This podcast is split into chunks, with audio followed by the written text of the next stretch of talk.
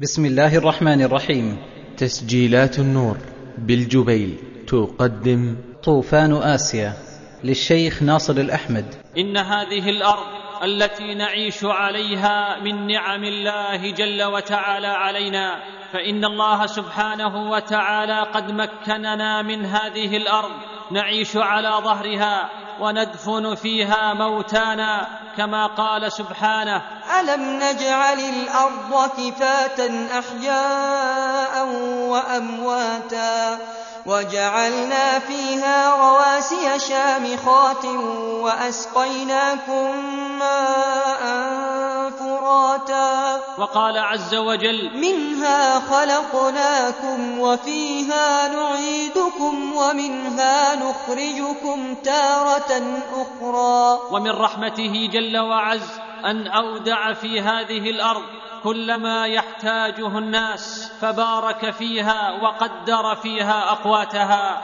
ثم جعلها سبحانه وتعالى ثابتة مستقرة لا تتحرك وأرساها بالجبال حتى نتمكن من البناء عليها والعيش على ظهرها ومع كل هذا فهذه الأرض قد تتحرك وقد تتمدد ويحصل بسببها الزلازل المدمرة تخويفا للعباد وتاديبا للبعض الآخر. والبحر أيضا كذلك يا عباد الله. هذا البحر الهادئ الجميل قد يأمره الله جل وتعالى فيتحرك ويهيج فيغرق ويدمر. وما يعلم جنود ربك إلا هو. وما هي إلا ذكرى للبشر. إننا معاشر الأحبة في نعمة من الله تامة أمن في أوطاننا وصحة في أبداننا ووفرة في أموالنا وبصيرة في ديننا. فماذا أدينا من شكر الله الواجب علينا؟ فإن الله وعد من شكره بالمزيد وتوعد من كفر بنعمته بالعذاب الشديد. وإذ تأذن ربكم لئن شكرتم لأزيدنكم ولئن كفرتم إن عذابي لشديد. إن الله جل وتعالى يري عباده من آياته ليعتبروا وليتوبوا. فالسعيد من تنبه وتاب. والشقي من غفل واستمر على المعاصي ولم ينتفع بالايات كم نسمع من الحوادث وكم نشاهد من العبر حروب في البلاد المجاورة. أتلفت امما كثيرة وشردت البقية عن ديارهم. يتمت اطفالا ورملت نساء وأفقرت أغنياء وأذلت أعزاء. ولا تزال تتوقد نارها. ويتطاير شررها على من حولهم وغير الحروب. هناك كوارث ينزلها الله بالناس كالعواصف والأعاصير التي تجتاح الأقاليم والمراكب في البحار والفيضانات التي تغرق القرى والزروع. وهناك حوادث السير في البر والبحر والجو والتي ينجم عنها موت الجماعات من الناس. في لحظة واحدة وهناك الأمراض الفتاكة المستعصية التي تهدد البشر وهناك الزلازل كل ذلك يخوف الله به عباده ويريهم بعض قدرته وقوته جل وتعالى ويعرفهم بضعفهم ويذكرهم بذنوبهم فهل اعتبرنا؟ وهل تذكرنا؟ هل غيرنا من أحوالنا؟ هل تاب المتكاسل عن الصلاة فحافظ على الجمع والجماعات؟ وهل تاب المرابي والمرتشي والذي يغش في المعاملات؟ هل أصلحنا أنفسنا وطهرنا بيوتنا من المفاسد والفضائيات؟ إن كل شيء من هذه الأحوال لم يتغير إلا ما شاء الله بل إن الشر يزيد وإننا نخشى من العقوبة المهلكة ولا حول ولا قوة إلا بالله. إن الله جل وتعالى يقول كدأب آل فرعون والذين من قبلهم كذبوا بآياتنا فأخذهم الله بذنوبهم والله شديد العقاب. إن الله سبحانه توعد الذين لا يتعظون بالمصائب ولا تؤثر فيهم النوازل فيتوبون من ذنوبهم. توعدهم جل وتعالى بأن يستدرجهم بالنعم ثم يأخذها على غرة. ولقد أرسلنا إلى أمم قبلك فأخذناهم بالبأساء والضراء لعلهم يتضرعون. فلولا إذ جاءهم بأسنا تضرعوا ولكن قست قلوبهم وزين لهم الشيطان ما كانوا يعملون. فلما نسوا ما ذكروا به فتحنا عليهم أبواب كل شيء حتى إذا فرحوا بما أوتوا أخذناهم بغتة فإذا هم مبلسون فقطع دابر القوم الذين ظلموا والحمد لله رب العالمين إنه والله يخشى علينا اليوم الوقوع في مثل هذا. معاصينا تزيد ونعم الله تتكاثر علينا. فاتقوا الله عباد الله واحذروا نقمة الله التي حلت بمن قبلكم ومن حولكم أن تحل بكم.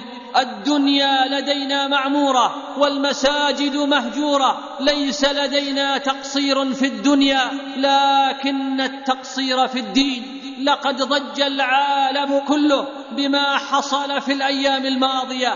تحرك قاع المحيط وفاضت المياه بطوفان جرف الأخضر واليابس في ثمان دول على الأقل. أفاق الناس ورواد المنتجعات على كارثة تعادل في مأساويتها الحروب الكبرى فموجات المد البحري ابتلعت قرى بأكملها وحتى قمم الجبال وأسطح المنازل لم تعصم الضحايا من الماء. رائحة الموت امتدت لمسافات كبيرة وانشغلت فرق الإنقاذ بانتشال الجثث التي تحلل معظمها قبل العثور عليها واختلطت الأشلاء البشرية بجيف الحيوانات فلا تميز بين هذا وهذا. وتحولت المستشفيات لمراكز تجمع القتلى. أما الملايين المشردين فإنهم يواجهون خطر الموت إما جوعا أو من الأوبئة الفتاكة.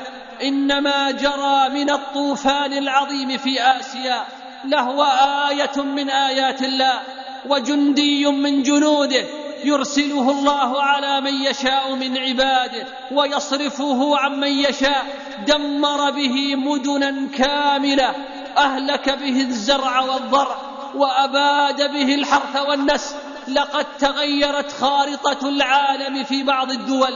كان الناس يعيشون في هدوء سياحي وأجواء هادئة لم ينذرهم الفلكيون ولا الكهنة ولا العرافون. وفجأة جاء بأس الله عز وجل فأخذهم ضحى وهم يلعبون وجاءهم بياتا وهم نائمون فخرجوا من بيوتهم يهرعون وفي الطرقات يجأرون لا يلوون على شيء ينظرون عن أيمانهم. فلا يرون إلا المباني المتهاوية وينظرون عن شمائلهم فلا يرون إلا الجثث والقتلى وينظرون خلفهم فلا يرون إلا الفيضانات وينظرون تلقاء وجوههم فلا يرون إلا الموت أين يذهبون بل أين يهربون وإلى أين يفرون. أظلم عليهم النهار وفرق جمعهم الدمار خر عليهم السقف من فوقهم وتفجرت الأرض من تحت أقدامهم وأتاهم العذاب من حيث لا يشعرون. عواصف بحرية وهزة أرضية وإن شئت فقل عقوبة إلهية. وشبه الناجون موجات المد بحوائط وصل ارتفاعها إلى نحو عشرة أمتار جرفت في طريقها الأخضر واليابس وآسيا تشهد أكبر عمليات إغاثة في التاريخ البشري والمشردون بالملايين والقتلى من السواح بالآلاف مما أدى إلى مأتم عالمي كبير. ولا تزال عمليات انتشال الجثث مستمرة. إن أكثر من ثلثي الضحايا يا عباد الله هم من الأطفال الذين جرفتهم المياه رغم محاولات ذويهم حملهم بعيدا عن البحر. وما زالت فرق الإنقاذ تسابق الزمن لانتشال جميع جثث القتلى. لمنع انتشار الاوبئه الفتاكة. إن روائح الجثث المتعفنة تنتشر في محيط القرى المنكوبة. وقد ذكر المتخصصون أن هذا الزلزال يعادل في قوته قوة مئة وخمس وسبعين قنبلة ذرية. لا إله إلا الله. لقد رأى العالم مناظر مفزعة لا يتحمل أن ينظر إليها. صور المئات من الناس والماء يدخل عليهم في بيوتهم ويأخذ الصغير والكبير فنادق ضخمة على تلكم السواحل كنسها البحر وأغرق كل من فيها. الأم ترمي بطفلها لكي تنجو بنفسها ومن رحمة الله جل وتعالى على البشرية وعلى العالم أن هذا الزلزال حدث في البحر. ولو قدر حدوثه على اليابسة لفاقت آثاره التدميرية بعشرات المرات. وهذا الذي حصل لا شك أنه عقوبة من الله على ما يرتكبه العباد من الكفر والمعاصي والمخالفات.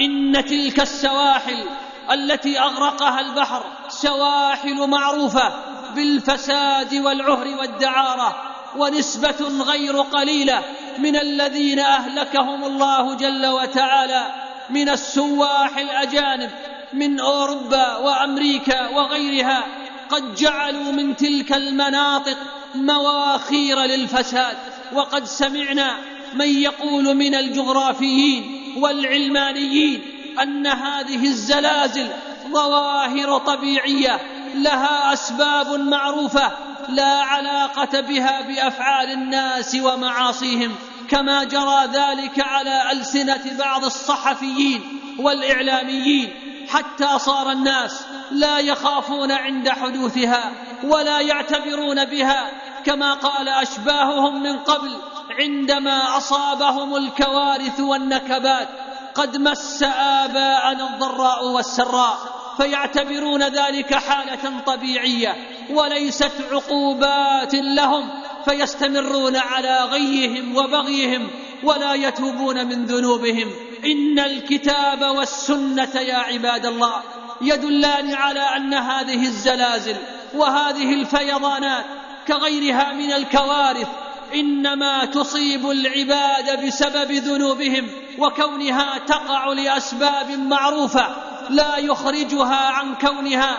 مقدرة من الله جل وتعالى على العباد لذنوبهم فهو مسبب الأسباب وخالق السبب والمسبب. الله خالق كل شيء وهو على كل شيء وكيل له مقاليد السماوات والأرض. فإذا أراد شيئا أوجد سببه ورتب عليه نتيجته كما قال تعالى واذا اردنا ان نهلك قريه امرنا متر فيها ففسقوا فيها ففسقوا فيها فحق عليها القول فدمرناها تدميرا فاتقوا الله عباد الله واعتبروا بما يجري حولكم وبينكم وتوبوا إلى ربكم لقد أخبر النبي صلى الله عليه وسلم أن الزلازل ستكثر في آخر الزمان وأنه بسبب ذنوب الناس ومعاصيهم. روى الإمام أحمد والبخاري من حديث أبي هريرة رضي الله عنه قال قال رسول الله صلى الله عليه وسلم لا تقوم الساعة حتى يقبض العلم ويتقارب الزمان وتكثر الزلازل وتظهر الفتن ويكثر الهرج. وروى الترمذي من حديث أبي هريرة أيضا رضي الله عنه قال قال رسول الله صلى الله عليه وسلم إذا اتخذ الفيء دولا والأمانة مغنما والزكاة مغرما وتعلم لغير الدين وأطاع الرجل امرأته وعق أمه وأدنى صديقه وأقصى أباه وظهرت الأصوات في المساجد وساد القبيلة فاسقهم وكان زعيم القوم اردلهم وأكرم الرجل مخافة شره وظهرت القينات والمعازف وشربت الخمور ولعن آخر هذه الأمة أولها فليرتقبوا عند ذلك ريحا حمراء وزلزلة وخسفا ومسخا وقذفا وآيات تتتابع كنظام بال قطع سلكه فتتابع فاللهم سلم سلم اللهم سلم سلم. لما حدث الخسف بقارون لم يكن السبب يا عباد الله ان القشره الارضيه كانت لينه وهينه. بل ان السبب انه عصى الله ورسوله كما قال الله عنه. فخسفنا به وبداره الأرض. فخسفنا به وبداره الأرض فما كان له من فئة ينصرونه من دون الله وما كان من المنتصرين. وعندما أخبر النبي صلى الله عليه وسلم أن هذه الأمة سيكون فيها خسف ومسخ وقذف لم يذكر أن السبب هو تصدع سطح الأرض وانشقاقها إنما السبب هو المعاصي فقال سيكون في هذه الأمة خسف ومسخ وقذف إذا ظهرت القيان والمعازف وشربت الخمور. وعندما أخبر صلى الله عليه وسلم عن ذلك الرجل الذي خسف به لم يقل بأن السبب في ذلكم الخسف هزة أرضية. بل ذكر أنه كان بسبب تكبره وتجبره فقال صلى الله عليه وسلم بينما رجل يجر عزاءه إذ خسف به فهو يتجلجل في الأرض إلى يوم القيامة. وعندما وقع زلزال في المدينة على عهد أمير المؤمنين عمر بن الخطاب رضي الله عنه فجاء إلى أم المؤمنين عائشة رضي الله تعالى عنها وعن أبيها فسألها فماذا قالت؟ وبماذا أجابت؟ قالت رضي الله عنها كثرت الذنوب في المدينة. فماذا قال عمر رضي الله تعالى عنه وأرضاه؟ جمع الناس وقال لهم والله ما رجفت المدينة إلا بذنب أحدثته أو أحدثتموه. والله لئن عادت لا أساكنكم فيها أبدا.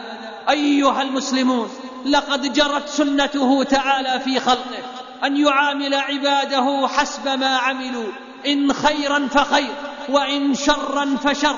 ظهر الفساد في البر والبحر بما كسبت أيدي الناس ليذيقهم بعض الذي عملوا لعلهم يرجعون.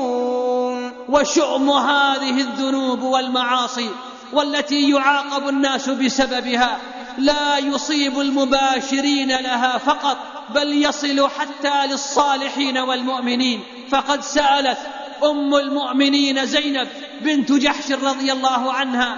سألت رسول الله صلى الله عليه وسلم فقالت أنهلك وفينا الصالحون؟ قال نعم إذا كثر الخبث. والخبث يا عباد الله كل معصية عصي الله تعالى بها في البلاد أو في البحر أو في الليل أو في النهار. لذلك كان من الواجب علينا جميعا أن نحذر من ذلك وأن لا نأمن مكر الله خاصة مع ارتكاب المعاصي. وأيضا من سنته تعالى أنه يمهل اقواما ويرجع عذابهم إلى وقت آخر ويمدهم مع ذلك بالأموال والبنين. ويوسع عليهم في حياتهم ويسهل لهم الصعاب ويمهد لهم سبل العيش. فيظن الجهال منهم أنهم على خير وأنهم ناجون غير معاقبين. والحقيقة أن الله يستدرجهم ويملي لهم من حيث لا يتصورون ثم يأخذهم أخذ عزيز مقتدر ووجود الأموال والأولاد. كل ذلك لا قيمة له عند الله. إذا ما كان أصحابها يعصون ربهم إلا من آمن وعمل صالحا. نعم إلا من آمن وعمل صالحا. فالله تعالى لا يعتبر أحدا لعظيم جاهه ورئاسته ولا لغناه وثروته ولا لحسبه ونسبه ولا لجميل منظره وصورته وبهائه. إنما المعتبر عنده سبحانه المؤمن الذي يخضع له.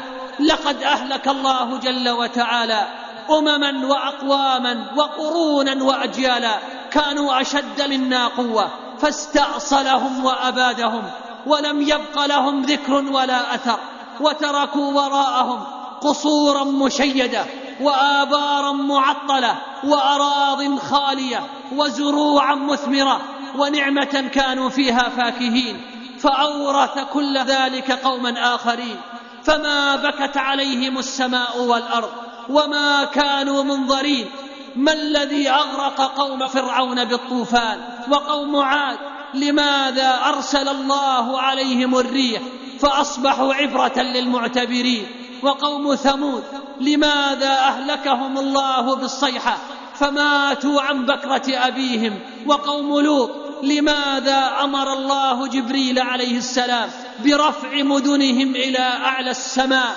ثم جعل عاليها سافلها مع رجمهم بالحجارة من سجيل. ولماذا أغرق الله فرعون وقومه في البحر؟ فالأجساد غرقا والأرواح حرقا. والنار يعرضون عليها صباحا ومساء وهكذا باقي الأمم السابقة كقوم شعيب وقارون وقوم تبع وغيرهم وغيرهم. قال الله جل وتعالى عن كل هؤلاء وذكر السبب فقال فكلا أخذنا بذنبه فمنهم من أرسلنا عليه حاصبا ومنهم من أخذته الصيحة ومنهم من خسفنا به الأرض ومنهم من أورقنا وما كان الله ليظلمهم ولكن كانوا أنفسهم يظلمون. إن الله جل وتعالى عاقب كل هؤلاء بسبب الكفر والشرك وبسبب الذنوب والمعاصي. والمتأمل يا عباد الله في أحوال المسلمين اليوم يجد أن لديهم من الشرك والبدع ومن سائر المعاصي ما الله به عليم. لقد فشى في كثير من مجتمعات المسلمين الربا والزنا وشربت الخمور والمسكرات وأدمنت المخدرات كثر أكل الحرام وتنوعت الحيل. شهادات باطلة وأيمان فاجرة وخصومات ظالمة. ارتفعت أصوات المعازف والمزامير وفشت رذائل الأخلاق. حورب الدين وأهل الدين وسيم الدعاة والمصلحون. أشد العذاب والنكال وسخر منهم واستهزئ بهم ونال سفلة القوم. الترحيب والرفعة وصدروا في المجالس وأصبح قدوة الشباب الفنان فلان والمطرب فلان واللاعب فلان. حين ابتعد الناس عن الطريق المستقيم كثر الكفر والفسوق وقل الشكر وإرجاع الحقوق. كذب وتزوير خداع وخيانة أمر بالمنكر ونهي عن المعروف وإصرار على الذنوب تبرج وسفور منع للخير. وآفة الآفات الحكم بغير شرع الله والظلم والجور إلى غير ذلك من الذنوب والآثام التي تؤذن بعذاب الله وعقابه. وكان حقا على الله أن يعاقب من فعل بعض هذه المنكرات فكيف بها جميعا؟ إن الأمة يا عباد الله حين تغفل عن سنن الله تغرق في شهواتها وتضل طريقها حتى تقع في مصارع السوء. إنها سنة الله جل وتعالى. حين تفشو المنكرات وتقوم الحياة على الذنوب والآثام والانحلال الخلقي وفشو الدعارة وسلوك مسالك اللهو والترف حينها ينزل الله العذاب والعقاب. وإذا كانت كل هذه المصائب تحدث في بلاد المسلمين إلا من رحم الله فهل تستغرب بعد ذلك أن يعاني المسلمون هذه الأيام من الهزائم الحربية على أيدي أعدائهم؟ وهل تستغرب حصول المصائب الأخرى كالفقر والمرض والتخلف والتعرض للفيضانات وللتفجيرات والسيول والزلازل؟ والخسف وغير ذلك. لا تستغرب أبدا. وصدق الله. وما أصابكم من مصيبة فبما كسبت أيديكم ويعفو عن كثير. إنما يحدث في الأرض اليوم من الزلازل المدمرة والفيضانات المروعة والأعاصير القاصفة والحروب الطاحنة والمجاعات المهلكة والأمراض الفتاكة وحوادث المراكب البرية والبحرية والجوية التي يذهب فيها الأعداد الكبيرة من البشر وتسلط قطاع الطرق ومختطف الطائرات وسطو اللصوص والتفجيرات كل ذلك يحدث بسبب الذنوب والمعاصي كما قال تعالى وما أصابكم من مصيبة فبما كسبت أيديكم ويعفو عن كثير وختاما فهذه بعض الوقفات السريعة مع طوفان اسيا العظيم. الوقفة الأولى عدم توقع الناس لحدوث هذا الطوفان الذي فاجأ العالم بغتة. لا خبراء الأرصاد ولا الأجهزة الحساسة ولا الفلكيون. وفي هذا إشارة إلى ضعف الإنسان وقصور علمه مهما بلغ وفوق كل ذي علم عليم. الوقفة الثانية أن هذه الدول والتي تسمي نفسها بالدول العظمى والكبرى والتي منها الولايات المتحدة وبعض دول أوروبا وإسرائيل ممن يغترون بقوتهم العسكرية والتقنية والاقتصادية مما جعلهم يتسلطون على غيرهم ظلما وعدوانا كما هو حاصل الآن في فلسطين والعراق وأفغانستان وغيرها من بلاد الله. كل هؤلاء لو أراد الله جل وتعالى لأهلكهم في لحظة إما بالأمواج أو بالرياح أو بالأعاصير أو بغيرها من جنود الله عز وجل وما يعلم جنود ربك إلا هو. الوقفة الثالثة أن هذا الزلزال الذي ضرب المحيط وحصل بسببه ما حصل في ثمان دول يا عباد الله لا يعد شيئا أمام زلزال الآخرة. فماذا يعمل الإنسان هناك وكيف يكون حاله؟ إذا زلزلت الأرض زلزالها وأخرجت الأرض أثقالها وقال الإنسان ما لها يومئذ تحدث أخبارها بأن ربك أوحى لها يومئذ يصدر الناس أشتاتا ليروا أعمالهم فمن يعمل مثقال ذرة خيرا يره ومن يعمل مثقال ذرة شرا يره إذا كان هذا الزلزال جعل أعدادا من الناس يخرجون من بيوتهم لاذوا بالفراق تركوا أمهاتهم وآباءهم وأزواجهم وأبناءهم.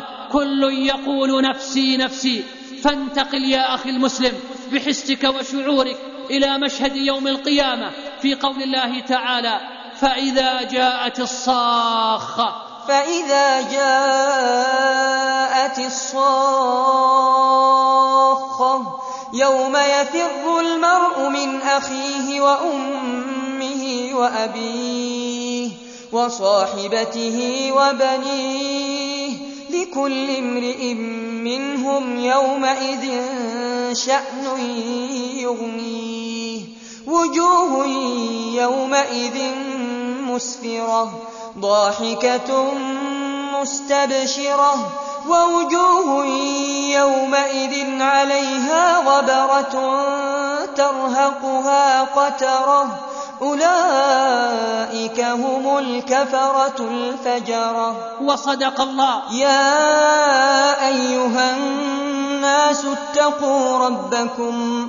إن زلزلة الساعة شيء عظيم.